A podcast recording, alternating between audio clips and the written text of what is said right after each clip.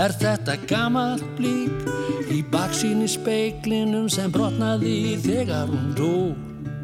Er þetta minningagreinum þá máðu ástan mann ekki og þó?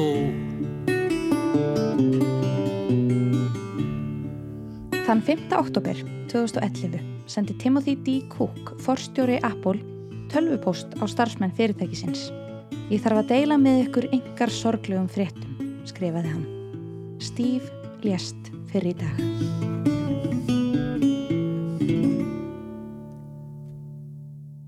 Innan við klukkutíma síðar hafði New York Times byrt 3500 orða minningargrein um frumkvöðlinn Steve Jobs á vefsíðu sinni. Í bandaríkunum og þá sérstaklega í stærri miðlum eru minningargreinar mikilvægur hluti af bransanum. Þær eru skrifaðar af sérhæfðum bladamönnum, gerðnan þeim reyndustu á miðlunum sem þurfa oftar en ekki að breyða snögt við óvæntu andláti og skrifa yfirgripsmikla en næma grein um viðkomandi frá grunni, helst áður en almenningur fréttir af andlátinu sem á tímum veraldarvefsins er nánast samstundis. Það var hins vegar ekki raunin með Steve Jobs. Fyrstu orðin í minningargrein hans voru skrifuð 1. ágúst 2007, fjórum árum áður en hann dó.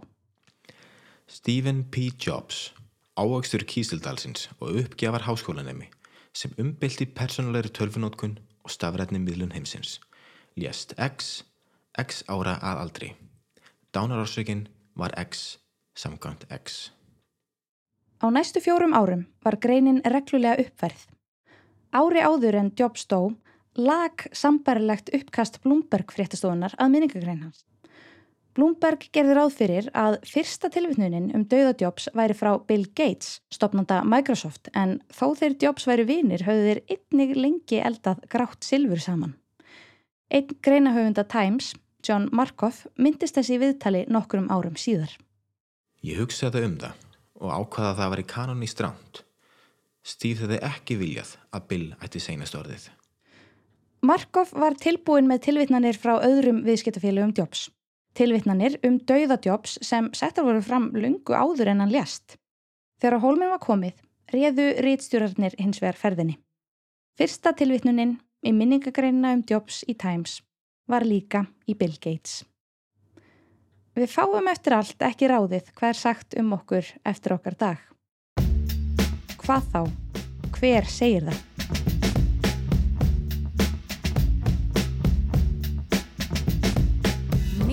Þó minningar Greindjóps hafi verið lengi í smíðum er hún alls ekki undantekning.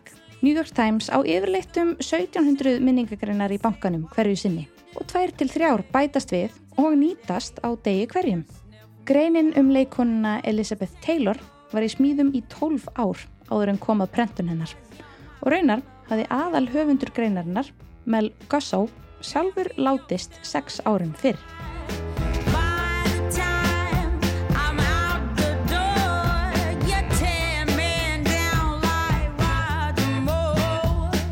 Í grein sinni í Independent frá 2013 segir Bob Chondi sem var yfirmaður minningargreinardeildar BBC í átján ár að BBC eigi fleiri hundruð minningargreina á skrá, tilbúnar á vefin, í útvarpið og að sjálfsögðu til sjónvarsútsendinga.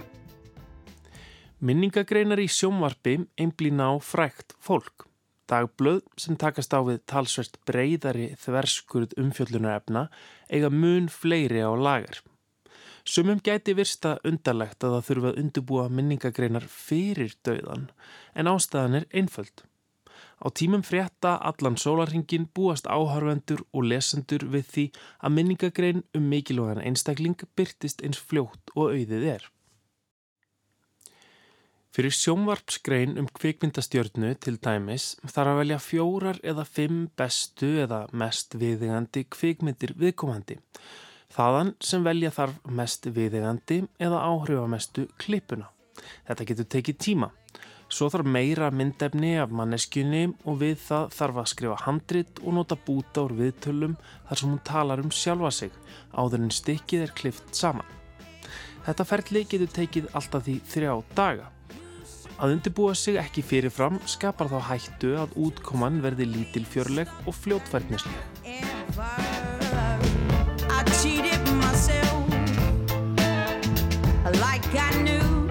Tjóndi segir að það sé metið eftir aldri og heilsu frægafólksins hvort minningagrein þeirra sé klift til fyrirfram eða ekki. Eins sé litið til þess hvort lífstíl viðkomandi gerir þau berskjölduð. Þannig eru þeir sem hafa hættulega atvinnu, svo sem fjallagarpar og kappakstusmenn, ofarlega á lista og eins þeir sem þekktir eru fyrir fíknisjúkdóma, eins og Amy Winehouse var. Eins og allir minningagreina höfundar verði að viðkenna ákveðna sjálfs ánægu þegar tilkynnt er um dauða mannesku sem ég hef undibúið minningagrein fyrir, unnið hörðum höndum að. Í tilfelli díunu prinsessu var tilfinningin einn sælu víma þar sem ég hafi uppvært greinina um hana aðeins sex veikum áður.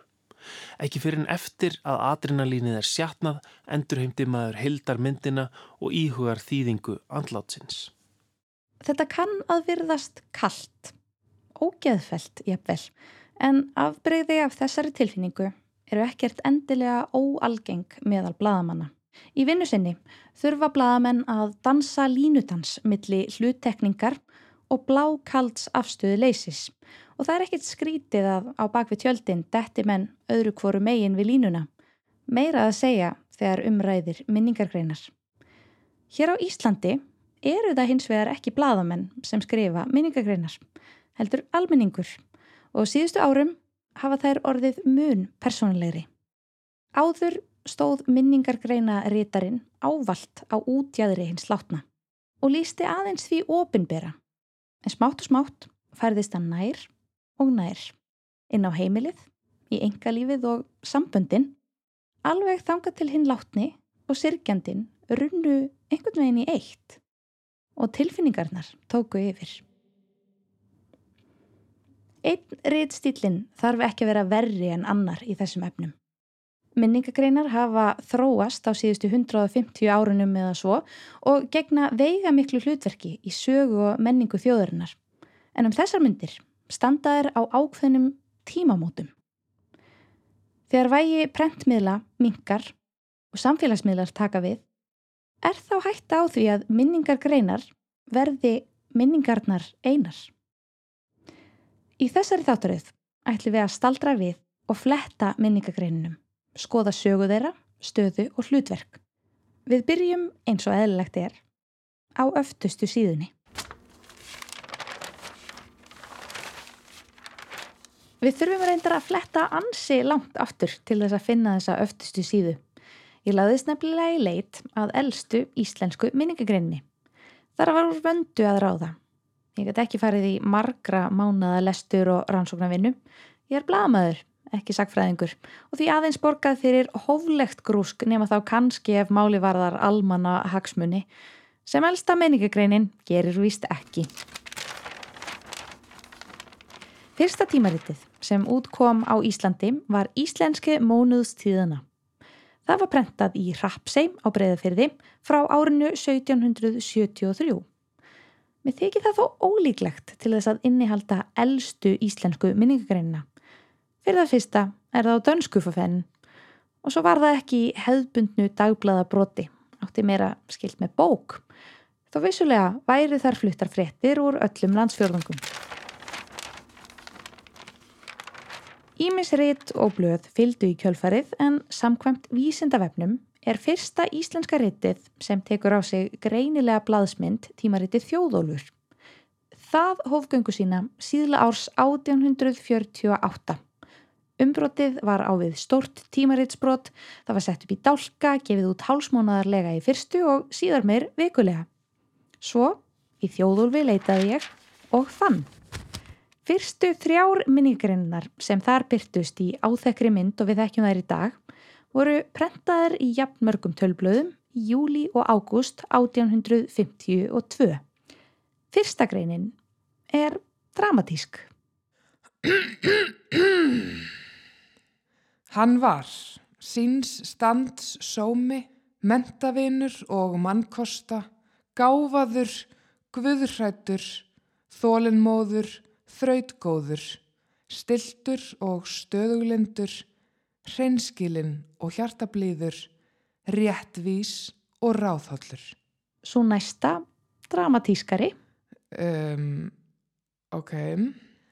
Nú höfum við harmsögu að segja þér Ísland, en þú hefur áður átt þeim harmi að venjast. Því einatt hefur þú ágætra mist og snemma. Nú áttu þá að sakna Sveinbjarnar Egilsonar, snillingsins mikla, skáldsins libra, lærdómsmannsins líðum kunna, yðjumannsins óþreytanda, valmennisins hóværa og hóláta. Og svo þriðja gera því skóna að hinn látni hafi drukkið sig í hel. Á sömardaginn fyrsta seinastliðin gekk hann til kvílu að mestu ódrukkin. Dæin eftir um nónbil var farið að gæta að hannum, var hann þá mállaus og máttvana og livði svo frekar 13 vikur að hann fekk korki mán nýja mátt aftur. Dauðir að hafa sinn dóm með sér. Mm -hmm. Þessi lína hefði líklega sviðið, hefði henn látni verið á lífi til að lesa hana. Öðrum sveið allavega undan henni en það byrti þjóðólfur aðsent bref nokkrum mánuðum síðar þar sem hvartað var yfir byrtingu hinnar upprunlegu greinar og því að greinarítarinn hafi ekki hort á mannkosti hins látna. Þá segir brefritari að greinarítarinum væri hotlast að lesa næstu línur skáldsins. Ljóðið er nefnilega svo. Dauðir hafa sinn dóm með sér. Hver helst hann er? Haf sem best gátt á sjálfum þér. Í þjóðólfi eru orðin á sjálfum þér feitletruð. 19. aldar feis. Hvað sem þessu orðaskaki líður má velta upp þeirri hugmynd að fyrstu minningagreinina sé að finna mun aftar í bókasafni tímans, nefnilega á vikingaöld undir yfirskriftinni Svona Torrek. Egil Skallagrimsson er talin hafa fæðist árið 910 á Borg á Mýrum. Hann kuð hafi verið mikið skáld og Ort Svona Torrek, 25 erinda erfiljóði í kviðuhætti þegar hann syrði síni sína, þá Gunnar sem lestur sótt og Böðvar sem druknaði. Egil lýsir sorg sinni og reyði íhugar hemd gegn guðunum en sefast eftir því sem álýður og þakkar óðni þar gafir sem hann hefur gefið honum. Að lokum sættist hann við sorgina og býður eigin dauða. Svít ætt mín á endastendur. Ræbarnir sem hlínir marga. Esa karskur maður, sás köglaber, frændarörs af fletjum niður. Kanski finnst einhverjum langsótt að tengja Egil Skallagrimsson við minningagreinar nútímans. En þar er þó reglulega vitnað í svona torrek. Annað höfuðritt forn bókmentana er hins vegar algengari sjón á síðum mokkans. Þeir fjö, þeir frændur, þeir sjálfur hið sama, en orðstýri þeir aldrei, hveim er sér góðan getur.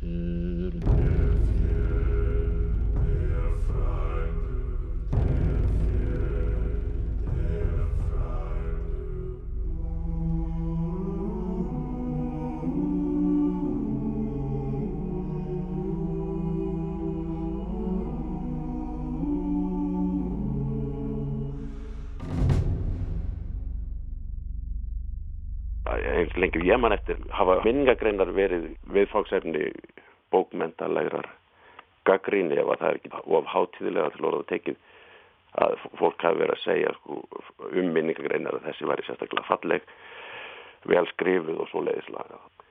Til þess að fræðast frekar um íslenskar minningagreinar ringdi ég til útlanda. Ég, ég heiti sem sagt Arnar Árnason og ég er mannfræðingur og ég, ég kenni við háskólan í Aberdeen í mannfræðildinu þar. Akademískur ferill doktor Arnars Árnasonar enginnist ekki síst af rannsóknum á döðanum og öllu sem honum við kemur. Hann hefur haft áhuga á döðanum frá því hann mann fyrst eftir sér. E, það var kannski að hluta til af því að, að hérna að alast upp í, í, í litlu þorpi á Íslandi þar sem að döðin var náttúrulega sko í sjálfu sér áberandi, það var flaggað þegar einhver dó hjá húsi þess sem hafði dáið eða nánustu ættingum það var flaggað upp á hæli eins og það var kallað það sem ég ólst upp. Og svo var náttúrulega flaggað þegar var, var jarðsett. Halva stöng náttúrulega þegar einhver dó halva stöng þegar fyrir jarðaföruna og svo hækkaði í fulla stöng eftir jarðaföruna og lokið og svona sko. Þannig ég held að það sé nú kannski svolítið það sko. En þegar ég var klárað mitt mastersnám og var að fara í dóttorsnám var búin að ákveða að ég ætlaði að gera það þá þurfti ég ekki kannski með alveg miklum hraða eins og ég segi söguna en ég þurfti að finna mér eitthvað viðfáðsefni og, og datt niður á þetta datt niður á dauðan og ég hef sem sagt eiginlega aðeins, aðeins hugaðað öðrum hlutum í gegnum tíðina en, en mína rannsóknir hafa að mesturleiti snúðust sem döðan en það náttúrulega er, er döðin þannig sko sem viðfangsefni eitthvað sem maður getur tekið í nánast hvert sem er allavega ef þú ert, í mannfræðinni.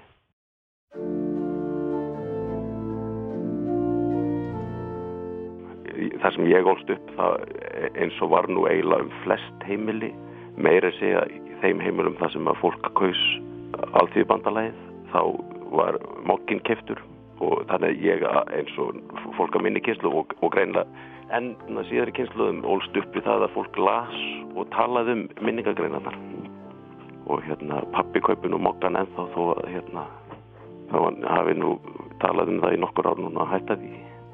Eh, ég held að pappi kaupi mokkan ekki síst út af minningagreinarnar þó ég hafa nú kannski ekki bentið spustan út í það Þar sem englarnir syngja sefur þú Sefur í djúpinu væra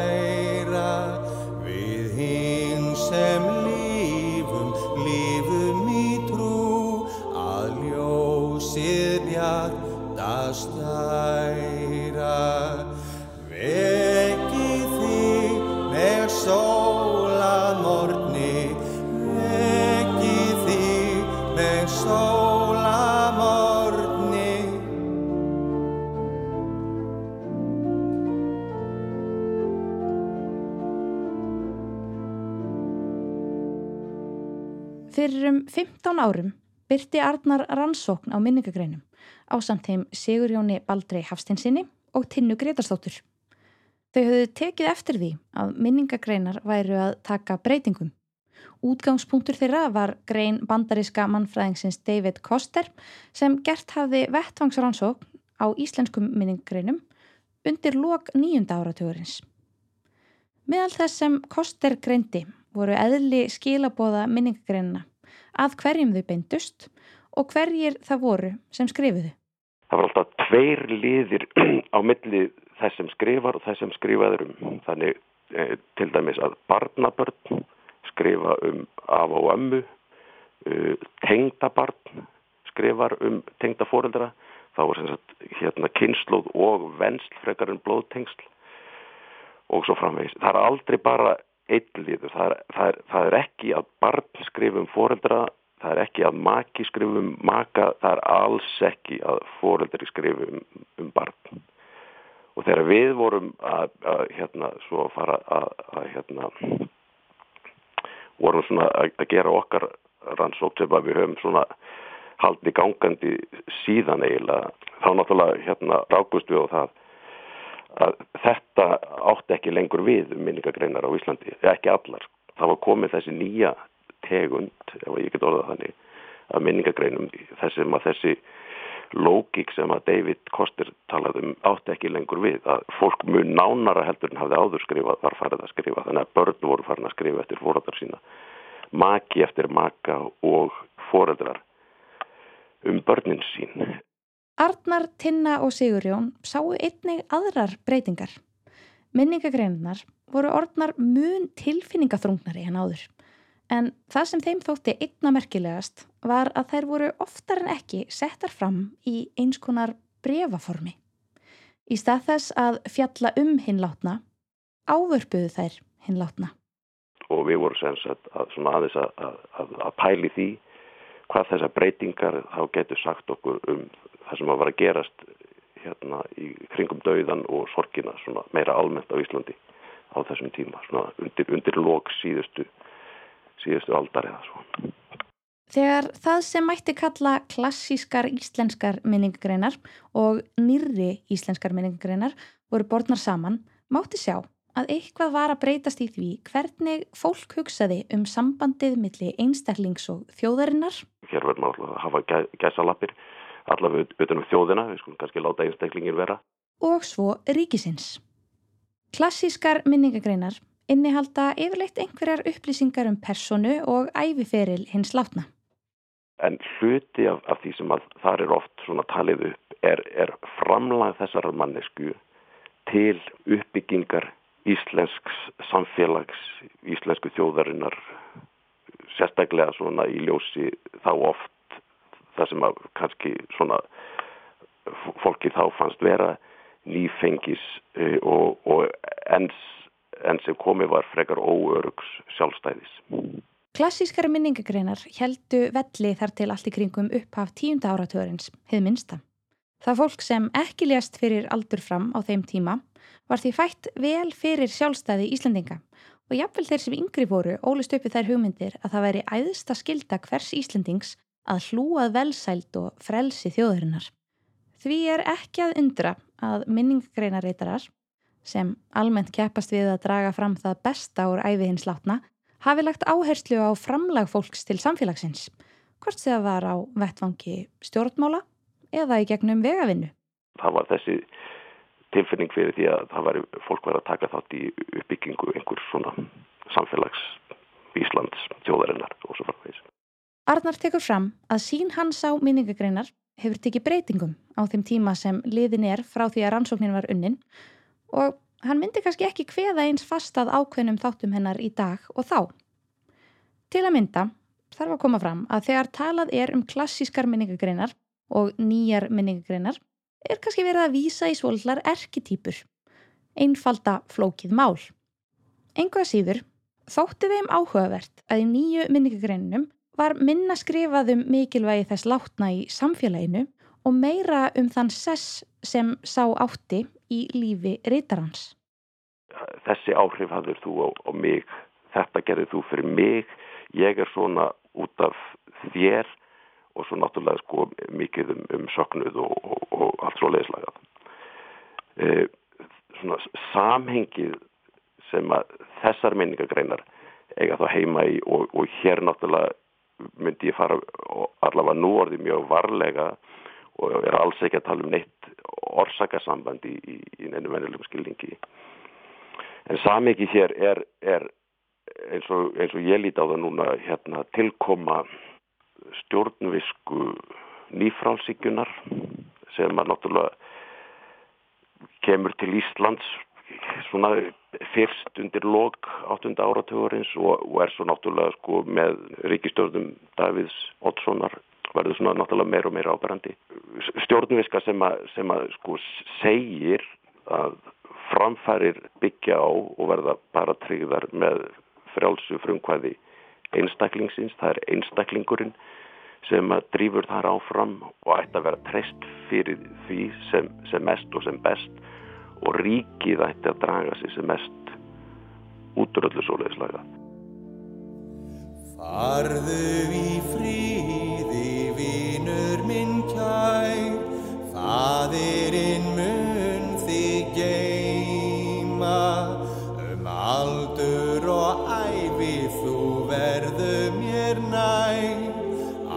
aldrei ég skal þér gleima,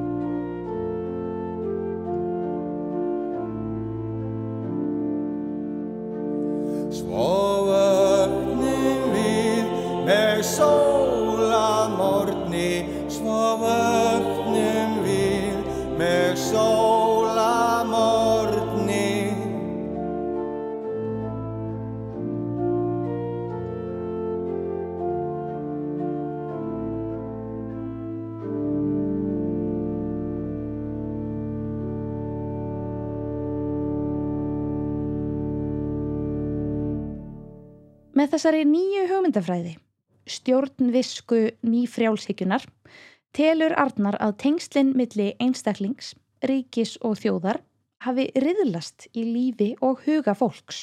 Þetta kölluðu þreiminningarnir engavæðingu minningagreina. En jafnvel áður en lesefnið var þeins persónlegt og raunber vitni í dag, var það Íslendingum hjartfólkið. Eitt af því sem við vorum að reyna að halda fram í þessu sem við skrifum á sínum tíma, ég og Sigurinn og Tinna var að, að hérna að á þeim tíma hafi minningagreinar í sjálfu sér verið sko, í nánast, ná, nánast verið sko hjartað í morgumblæðinu sem var náttúrulega á þeim tíma alveg lang, lang stærsta blað landsins og kallaði sig þá með, með dálitlum rétti blað allra landsmanna. Það, það fór inn á náttúrulega mjög mörg heimili á, á Íslandi og, og fólkið sem að vann við minningagreinar á morgumblæðinu og við töluðum við, sko, það, það var ekki í neinum vafum það að, að, hérna, að minningagreinanar voru ein af aðalástafanum fyrir því að, að morgumblæði var svona, hafði svona mikla útbreyslu. Og þetta var náttúrulega mjög sérstætt líka og þetta var svona dílemma sem að þetta fólk talaði líka um að hérna, fólk borgaði ekkert fyrir minningagreinanar, þær tóku oft mikið pláss í blaðinu, blaði var að, að hérna, gefa frá sér sko fleiri, fleiri blaðsýður undir minningagreinar á þess að fá nokkuð fyrir en, en náttúrulega í þeim skilningi að, að hérna, hér væri lesefni sem fólk vildi fá. Í samtölum sínum hefur hann orðið þess var að ekki eru allir á eitt sáttir með breytingarnar á forminu. Það á einna helst við eldri lesendur. Sem hefur, hefur fundist að, að nýju, þetta nýja form sé bara, það sé ekki viðegandi. Það sé ekki, sé ekki viðegandi að fólk sé að, að, að skrifa með, með svona tilfinningaþrungunum hætti, lýsa svona hreikalegri sorgsinni á þessum ofinbæra vettvangi sem að minningagreinunar eru. Svo er náttúrulega hitt líka að er margir sem að, að hérna, sem að finnst að það sé ekki viðænandi heldur að vera ávarpa hinn látna í, í, í brefi sem þessu. Sko að kenningar kirkunar að einhverju leiti koma þar inn í myndina. Það var náttúrulega íslenska kirkjana háði náttúrulega mikla og harða baróttu gegn spiritisma á sínum tíma um, og ef að ég hef meðtekið lúterska guðfræði rétt sem er svo sem nokkrum vafa undir orpið þá náttúrulega er ekki gert ráð fyrir einhverju svona samtali á milli eftirlifunda en hins látna það er ekki gert ráð fyrir að, að, að við sem enn erum á lífi getum og eig, eigum að vera að, að áarpa henn, henn látna svo guðfræði og þessi tilrönd kirkunar á Íslandi að, að hérna, sportna við áhrifum spiritisma sem voru náttúrulega mjög mikil á okkurnu tímubili á Íslandi. Er náttúrulega samt í samengi það sem að hérna það sem að fólk er endalust að, að tala við hinn látna. Og það er endalust að, að hérna endalust í samræðin við hinn látna með sjálfu sér kannski mest en, en, en líka náttúrulega stundum á, á, á svona á sangumum eins og og miðelsföndum. Þessi klassiska íslenska minningagrein er, er að sumleiti mjög merkileg söguleg heimild og um, um margt náttúrulega, um þjóðhætti, um ímsa atbyrði, ákveðnar pólitískar vendingar og maður getur veltið fyrir sér sko um hvað nákvæmlega eru minningagreiðunar heimild. Já, þar geta verið heimild um, um sögulega atbyrði en, en það eru líka ákveðin heimild í sjálfu sér um það hvernig, hvernig fólk hugsa um og nálgast, tengist dauðanum og, og sorginni á Íslandi og þá kannski ekki síst um það hvernig það breyt, breytist. Það að nýta minningargreinina sem heimildum sálarlíf þjóðarinnar kvílir á þeirri undirstöðu að minningagreinar hafi ákveðin sess í huga fólks. Að þær séu mikilvægur þáttur í því hvernig fólk hugsa um og nálgast dauðan og sorgina. Þá eru þær ekki síst heimildum breytingar í því hvernig fólk upplifir að það eigi að umgangast tilfinningar sínar. Að það sé orðið þannig að, að fólk skrifi svona tilfinningaþrungnar greinar á, á almennum vettvangi eins og minningagreinum morgumblassis það er náttúrulega heimildum það að e- eitthvað hafi breyst í því hvernig fólk lítur á það hvernig það er að umgangast sína tilfinningar og, og mögulega þá náttúrulega líka annara hvað, hvað, sé, hvað sé í lægi að gera, hvað sé í lægi að, að, að, að sína og svo framvegis Þannig endur spekla minningargreinar miklar samfélagsbreytingar. Hlutir sem ekki mátti segja upphátt áður eru reytaðir í bleki á síður bladana. Samkynneigð, geðsjúkdómar, sjálfsvík og krabbamein sem áður var yðurlega aðeins kallað íllvíkur sjúkdómur. Allt er þetta orð sem voru tabú en hafa auðlast sinnsess í minningagreinum. Það var kannski að einhverju leiti hluti af, af því sem var spennandi við minningagreinar ég man alveg eftir því og ég man eftir því að hafa gert það sjálfur Guðminn Almatur gerði það enn sjálfur að sumuleiti kannski að maður, maður les minningagreinar og maður að velta því fyrir sér úr hverju dó manneskjan og, og, og hérna það voru náttúrulega alls konar líkingamál notað sérstaklega um, um eitthvað eins og krabba minn og hvað þá sjálfsmórð þegar var farið að skrifa svona um fólk sem hafði fram í sjálfsmórð sem var kannski ekki svo mikið framann af. Eins og áður sagði eru íslenskara minningagreinar um margt sérstakar. Arnar minnist þó á að á síðustu árum hefur Guardian tekið upp á því að opna rými á síðum sínum fyrir insendargreinar um venjulegt fólk sem sé ekki frækt fólk og fyrirmenni, rétt eins og gert er hér á Íslandi. Hins vegar er plássið mjög takmarkað. Ljóst er að ekki komast allir að sem vilja og færri vilja en hér heima en það er hefðin ekki til staðar með sama hætti. Það þekkist eitthvað svona svipað í, í svona minni blöðum, svona hérna héraðsblöðum eða bæjarblöðum, annar staði kannski. En að, að, að það hafi þennan sess, að það fái þetta rými í, í, sko, í stærsta dagblaði landsins, að það séu lesnar af svona stórum hluta þjóðarinnar. Það held ég, eftir því sem ég best veit er mjög, það er held ég einstakt sko, og hérna, og við vorum svona á sínum tíma svona svolítið að að, að, að pæla í þessu í sambandi við hugmyndir sagfræðingsins Benedikt Andersson sem að skrifa mjög fræga bók, mikið notaða bók. Í sjálf þess að það spurði þessara einföldu spurningar hvernig er það hvernig gæt það orðið að fólk sem að bjó margt hvert í óra fjarlað frá hvort hvert öðru myndi aldrei hittast um, átti óskup fátt samilegt ef nokkuð hagsmunni þess gáttu verið fullkominni anstöðu við hver aðra. En samt gaf það gæst að fólk fór að ímynda sér, hugsa sér að það tilherði og tilherði saman einhverju sem að við fórum svo kalla þjóð hvernig, hvernig er þetta mögulegt? Og hann, hann gerir mikið úr hlut prentmiðla í þessum, hann Andersson á sínum tíma. Og okkur fannst morgumblæði og þá sérstaklega minningagreinarnar vera alveg hérna, fullkomið dæmi um, um það að það er fólk vitt og breytt um landið að lesa minningagreinar náttúrulega tala það við ákveðina fólk nærstætt sér um þessar minningagreinar og svona þetta er eitthvað sem að hérna var þarna og er þarna reynda náttúrulega ennsku sem að ítir undir það að fólk heldur áfram að, að ímynda sér að það tilheri þessu fyrirbæri þjóðin. Allt eins og blómstrið eina uppvegs á sléttri grund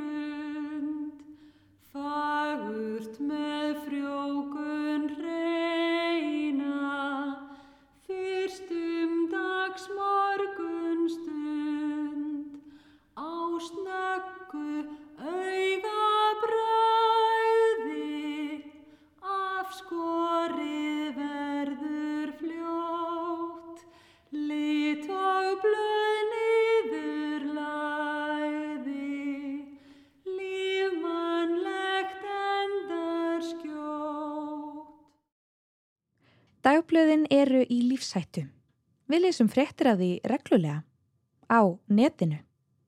Í janúar mánuði 2020 var mest lesna dagblæð landsins með tæpan 37% lestur. Það var fréttablaðið.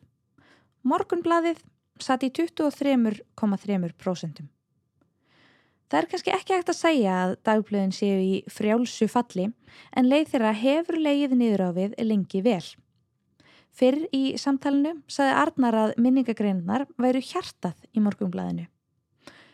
Og án þeirra myndi lesendum líka hugsanlega fækka til muna. Rýrnandi vægi dagblæða grefur undan vægi minningagreina. En gæti svo farið að minningagreinum sjálfum muni einnig fara fækandi og grafa þannig undan vægi dagblæða nú þegar nýjar kynnslóðir og raunar einnig þær sem eldri eru stýtta sér leið og byrta kannski frekar minningarorð á Facebook eða láta sér í apvel næja að henda upp nokkru myndum af sér og hinnum látna á Instagram. Ég myndi kannski frekar kalla það afleiðingu af, af þessum breytingum. Já, já, en á sama tíma kannski eitthvað sem að gerir það líka þá að verkum að, að þetta, þetta getur gerst er að áherslan er að þá að verða en frekar á eitthvað hérna, ég ætla að segja tilfinningar, ég, ég meina það ekki alveg nákvæmlega þannig en allavega að, að, að með þessu er náttúrulega fólk kannski farið að taka og nota ætti ég að segja snarpara og stittra form sérstaklega náttúrulega ef það, ef það er að nota Twitter eða Instagram frekar en, en, en, en fjesið þannig að það sem að gamla íslenska minningagreinin gerði sagt, að segja frá þessari mannesku eiginlega sko útlista þeirra karakter þessi manneski var svona og þetta var það sem, þeir, þau, sem að hún gerði það er náttúrulega í, í allavega þessu knappara formi verður erfiðar og fólk er þá kannski sko að leiti í þetta knappara forma því að það, það vill ekki fara þangað heldur, það vill tala um, um hvernig því líður í, í, í, ljósi þess að þessi manneski núna, er núna látin. Annað sem að tengist þessu, sem Arnar hefur aðeins verið að skoða í tengslu við nýleg fræðistörf sín, er það að blöðin sjálf hafa flust yfir á netið, þar sem virkir í aðtugasemdum búa? Þar er þessi kommentakerfi sem að hérna, það sem er mjög mikil og oft náttúrulega mjög interessant samræða á sér stað. En líka greinilega að blöðin og það er náttúrulega sum blöð á Íslandi sem að gera þetta miklu meira heldur en önnur blöð og önnur blöð kannski alls ekki neitt en sum þeirra eru farin greinilega sko að nota sér uppfæslur fólk sem er þá annarkort, það er, það er að segja frá einhverju svakalega merkilegu eða þá það er fólk sem er, er eitthvað þekkt í þjóðlífinu. Það nota sér uppfæslu þess sem beilinni sem frettæfni og það er náttúrulega það sem hefur gerst núna frekar nýlega í sambandi við það er að fólk er farið hreinlega að deyja og sirkja á mjög ofinbjörnum vettfangi sem að það gerði ekki held ég, ef mér sér óhætt að segja áður. Ég lifi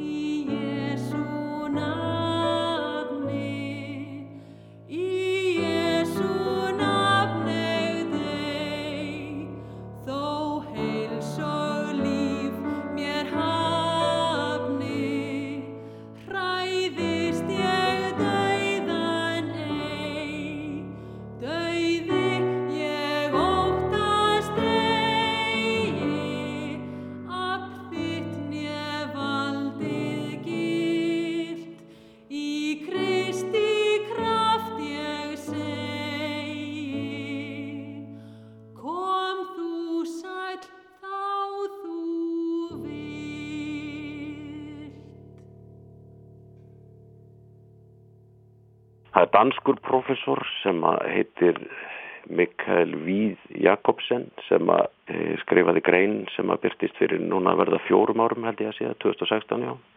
Um það sem hann kallar á ennsku spectacular death. Hann er sem sagt að spekulera og hann, alveg, þetta eru spekulasjónu hjá honum og hann, hann, hann segir það alveg byrjum orðum. Hann er svona að tala svona lauslega um vesturlönd almennt og að fólk á vesturlöndum almennt það, það sé að verða til, hafi orðið til svona ákveð samband við, við dauðan sem að megi kalla svona spektakular death. Spektakular þýðir tilkomu mikill, stórbrotin, mikil fenglegur. Lýsingarorðið er dreyið af spektakul, sjónarspil. Death þýðir dauði.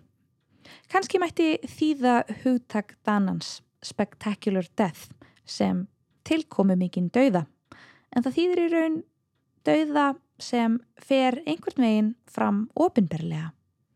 Er gerður að tilkomu miklu sjónarspili. sem mannfræðingur þá er maður náttúrulega svona aðeins með varan á sér við of miklum hérna uh, svona uh, aðhæfingum og svona einhverju einhverjum svona, einhverju svona voða grand en ég, ég held að sé svolítið það er eitthvað til í þessum það, það, það hefur orðið þessi breyting á Íslandi Arnar nefnir sem dæmi andláta leikarans Stefáns Karls Stefánssonar sem greindist með krabbamein árið 2016 og lést 21. ágúst 2018. Hann og fjölskylda hans töluði alla tíð opinskátt um veikindi Stefáns á samfélagsmiðlum og í fjölmiðlum. saga veikinda hans og svo þannig laga dauðastríð og, og, og svo hérna sorgarferðli konununa steinunar þetta er náttúrulega varð ofinbert á þann hátt sem að dauði fólks á Íslandi hefur ekki verið ofinber áður fyrr. Og ef einhvern tíman áður þá alls ekki með sama hættu og, og, og, og núna. Og hann náttúrulega er mjög áberandi dæmi en það hafa náttúrulega verið mörg önnur núna upp á síkasti Í samfélögum fyrri tíma, þar sem fleiri börn dóu en komist á legg, þar sem hafið gaf og hafið tók, þar sem það að lifa hálfa mannsæfi á við nú þótti jafnvel að deyja í hári elli, var bókstafleg nálegð við dauðan meiri. Í dag, þegar við í hinnum vestrana heimi lifum flest talsvert lengur, höfum við samt fundið leiðir til að halda ákveðinni nánd við dauðan. Við smellum á fréttir af slesum, lesum viðtöl við döðuna fólk, göngum jafnvel í Facebook-hópa þar sem við getum fylst með gömlum skólafélugum heia döðastríðið. Og við drekkum í okkur minningagreinar, sérstaklega um ungt fólk. þeir sem eru svona í þessu tala náttúrulega oft um það að, að það þurfum við að opna umræðuna um dauðan og sorgina þetta sé allt hulið einhverjum þagnar hjúp.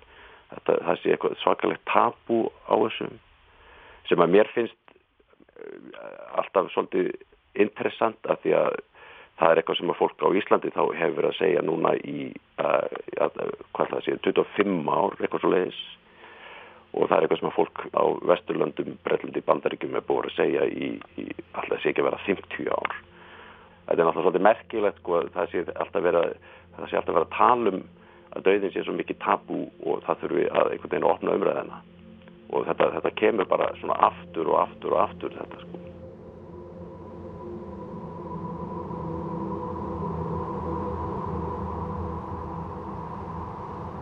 Við erum heilluð af dauðanum og við erum greinilega opinn fyrir því að tala um hann eða allavega skrifa um hann. Mörg okkar fallegustu ljóða aftur í aldrinnar fjalla um dauðan. Kanski sem betur fer. Annars ættu við ekkert til að enda allar minningagreinar okkar á.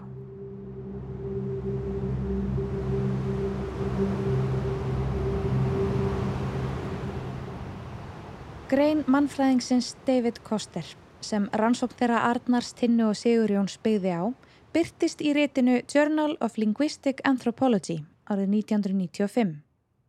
Hún hefst á tilvitnun í skrif sjálfstæðishetjunar Jóns Sigurssonar í ný félagsritt árið 1860.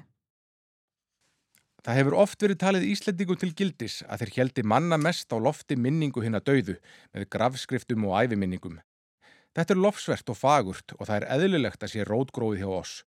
Því þjóðvor hefur lengi verið einkynlegi því, framar flestum öðrum, að líta alltaf meira aftur fyrir sig en fram, eins og maður sem gengur öfugur áfram. Koster segir Jón hafa haft áhyggjur af því að óhófleg fortíðar þrá Íslendinga hamlaði þeim frá því að byggja upp framtíðina. Hann hafi hins vegar miskilið eðli minningarskrefa um þá sem hortnir eru.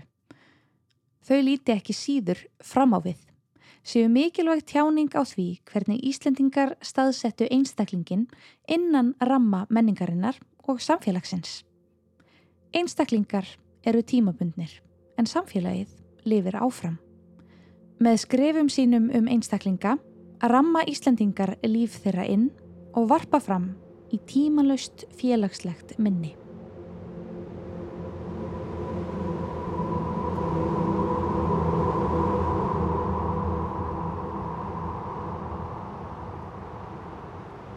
Og nú haldið þið kannski, hlustendur góðir, að við séum búin að grand skoða íslenskar minningagreinar. En þær eru marg slungnar. Þeim fylgir sérstakt tungumál, sérstakur húmor, rígur og reglur, sorg og gleði. Svo eru þær bransi, business og þær eru í útrýmingarættu eins og pöndurnar, jöklarnir, síberjutýrarnir og kóralrifin. Svo að við tölum ekki um þær núna. Hvenar þá?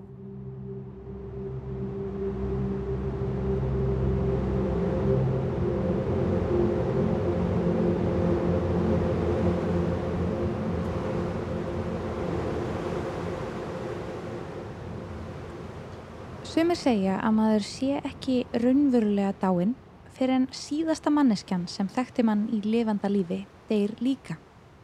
Aðri segja að maður degi ekki svo lengi sem nafnmanns lifir. Með því að minnast fólksins sem er horfið, særum við það fram, draugum upp mynd af því sem byrst getur ljóslifandi í hugum okkar og þeirra sem við minnumst við. Ef við stingum niður penna, getum við fest ástfinni okkar á blað.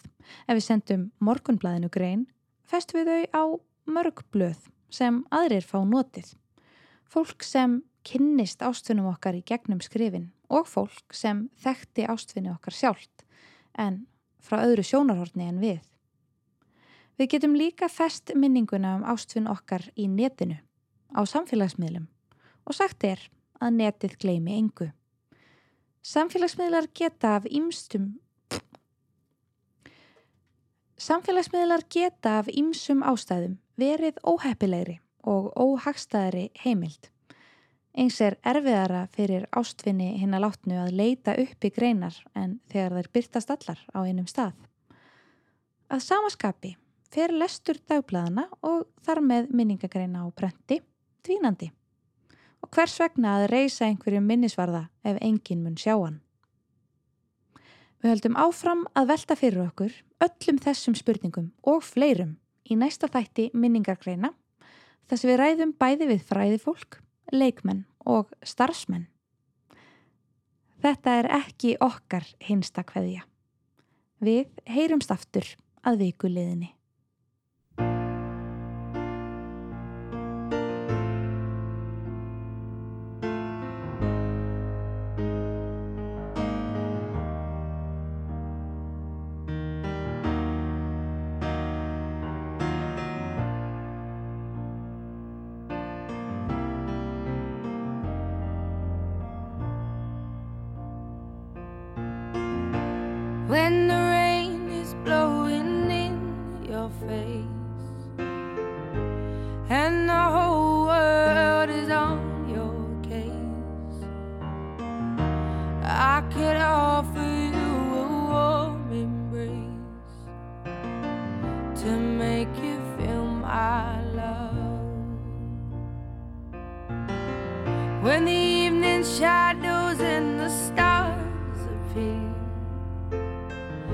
and there is no one there to dry your tears. I could hold you for a million years to make